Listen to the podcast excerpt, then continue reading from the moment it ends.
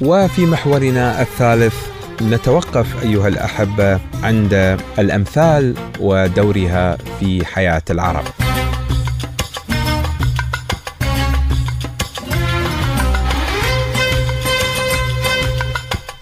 بعيدا عن السياسة وبعيدا عن معطيات السياسة الدولية التي تحدثنا عنها طوال المحورين السابقين نتوقف اليوم عند دور الأمثال في حياة العرب، طبعا الأمثال هي ليست آه، كدور فقط في حياة العرب، ابدا، هي في حياة الإنسانية جمعاء، فنرى الأمثال مثلا نقرأ دائما هذا مثل صيني، هذا مثل فارسي، هذا مثل تركي، هذا يعني معناه كل الشعوب لديها أمثلة. والأمثلة أو الأمثال عفوا دائما تطلق وتؤخذ من حياة الناس، من معطيات الناس اليومية. كيف يتشكل المثل؟ يتشكل من معطيات الناس من حوادث تحدث مع الناس كما في مثل أكرم من حاتم الطائي. هذا المثل كل إحنا سامعين به. كيف أصبح يعني هذا المثل أكرم من حاتم الطائي؟ يقال إن حاتم الطائي آه، توقف في الصحراء عند آه، طفل يعني مو كبير بالعمر صبي. وهذا الصبي آه، ذبح لحاتم الطائي شاة. فعجب أو فعجب حاتم فأعجب حاتم الطائي برأس الشاة. وعندما علم الصبي بأن حاتم الطائي أعجب برأس الشاة ذبح له كل ال ال آه، كل الحيوانات التي بحوزته وأطعم حاتم الطائي رأسها يعني بواقع يومي. فعندما خرج حاتم الطائي وجد أن هذا الفتى أو هذا الصبي لا يملك سوى عشر من الشياه لا يملك غيرها وذبحها كلها لحاتم الطائي. فقام حاتم وأهداه مئات من رؤوس الإبل ومئات من الأغنام ومئات من الحيوانات متعددة أعطاها لهذا الصبي. ولكن والصبي أخذها طبعا وتشكر من حاتم. فعندما سئل حاتم الطائي هل هنالك من هو أكرم منك؟ قال نعم. وقص قصة هذا آه، الصبي وقال أن هذا الصبي هو أكرم مني. فقيل له ولكنك عوضته بالكثير أكثر مما هو ذبح لك. قال له لهم نعم صحيح. ولكنه جاد بكل ما يملك وهي عشر شياه. أما أنا فجدت عليه بجزء يسير مما أملك فهو أكرم مني. لذلك ذهب مثلا أكرم من حاتم الطائي من حاتم الطائي. فلذلك أحبتي قصص الأمثال تتشكل بشكل كبير من حياة الناس اليومية. لذلك كتب الأصمعي في هذه المدينة قبل 1300 سنة كتاب الأمثال جمع فيه أمثال العرب وكتبها في كتاب. وكذلك كتب غيره من العرب الكثير من, من الأمثال والكثير من الكتب التي توقفت عند الأمثال ومفاهيم الأمثال وكيف تضرب الأمثال وأين تضرب ومتى.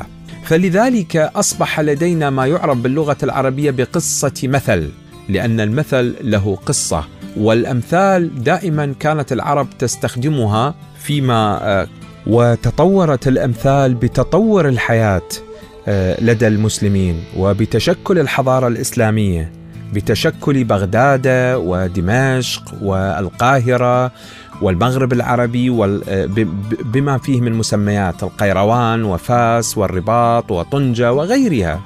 إذا الأمثال العربية كان لها دور كبير في حياة العرب بل كان للأمثال دور كبير في تشكلات حياتهم المدنية، في تشكلات حياتهم الثقافية، في تشكلات حياتهم الأدبية، بل إن الأمثال دخلت حتى في النحو وصيغت وتعدلت صياغتها بشكل كبير.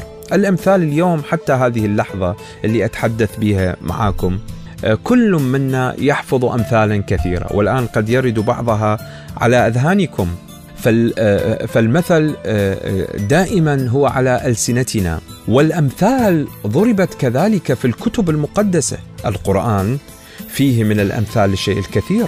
حتى أنه يتحدث بصورة مباشرة في هذا الموضوع ويقول وضربنا لكم الأمثال فالأمثال آه، هي جزء أساسي من التكوينات الثقافية والاجتماعية الإنسانية ومن غير الممكن التخلي عن المثل وعن قصته وعن رؤاه وعن أفكاره التي يسوقها طارح المثل. اليوم نحن أمام قصة مثل مش شائع جدا لدينا وهو الموضوع فيه إنه آه، لنعرف قصة الموضوع فيه إنه وكيف تشكل هذا المثل بصوت لبنى الفضل. تعرف على قصة مقولة الموضوع فيه إن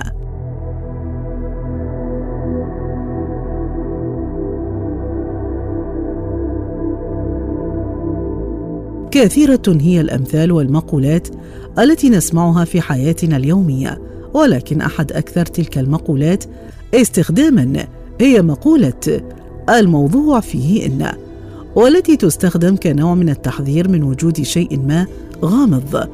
على سبيل المثال، قام أحد الأشخاص على غير عادته بدعوتك إلى العشاء، فإن أول ما سيخطر ببالك هو الموضوع فيه إن، وأن هناك شيئا ما وراء تلك الدعوة المفاجئة. ولكن هل سألتم أنفسكم من قبل ما قصة مقولة الموضوع فيه إن ومن اول من استخدمها. ووفقا للروايات الشعبية التي يتداولها الناس في سوريا يقال إن أصل مقولة الموضوع فيه إن يعود إلى حادثة حصلت في سوريا وتحديدا في مدينة حلب. وتروي الرواية أنه كان هناك أمير من قبيلة بني منقذ يدعى علي بن منقذ وهو المؤسس الحقيقي لإمارة ابن منقذ كما أنه جد أسامة بن منقذ. وهذا الأمير كان يعيش في مدينة حلب التي كان يحكمها آنذاك أحد أفراد عائلة المرداسيين وهو الملك محمود بن نصر بن صالح بن مرداس. في يوم من الأيام حدث خلاف بين الأمير المنقذي والحاكم المرداسي فنوى الأخير قتله. لكن فطنة الأمير علي بن منقذ جعلته يدرك ما يحاك له. فقرر الهرب واللجوء إلى مدينة دمشق. حاول حاكم حلب أن يعيد الأمير بن منقذ بشتى الطرق حتى أنه طلب من كاتبه أن يبعث برسالة إلى الأمير علي بن منقذ يطمئنه فيها ويدعوه للعودة إلى مدينة حلب. في تلك الفترة من الزمن كان الملوك يوظفون أذكى الرجال وأكثرهم بلاغة في اللغة العربية ليصيروا كتابا لديهم من أجل أن يحسنوا في كتابة الرسائل المرسلة إلى الملوك الآخرين.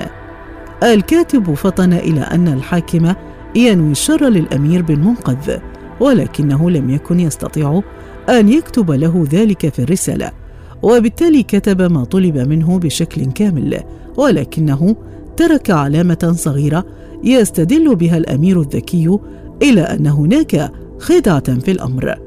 هذه العلامة الصغيرة كانت أن الكاتب وفي نهاية الرسالة التي كتبها شدد حرف النون في كلمة إن شاء الله تعالى ليجعلها إن شاء الله تعالى وهو خطأ فادح لا يمكن أن يقع به كاتب لدى ملك. عندما وصلت الرسالة إلى الأمير علي بن منقذ قرأ الرسالة وعندما رأى النون المشددة أدرك على الفور أن الكاتب كان يحذره من العودة وكان يذكره بقول الله تعالى إن الملأ يأتمرون بك فرد الأمير المنقذ برسالة على حاكم حلب يشكره فيها على أفضاله ويطمئنه على ثقته به وختم رسالته بعبارة لن يستطيع الحاكم فهمها ولكنها في الوقت ذاته كانت ردا للكاتب وقال فيها إن الخادم المقر بالأنعام وعندما وصلت الرسالة إلى الكاتب تأكد من أن الأمير قد بلغه التحذير في الرسالة الأولى وأن قصده من كسر الألف وتشديد النون هو كما جاء في قوله تعالى إن لن ندخلها ابدا ما داموا فيها ومن هنا أصبح استخدام إن دلالة على وجود نية سوء وشك تجاه الشخص المقابل.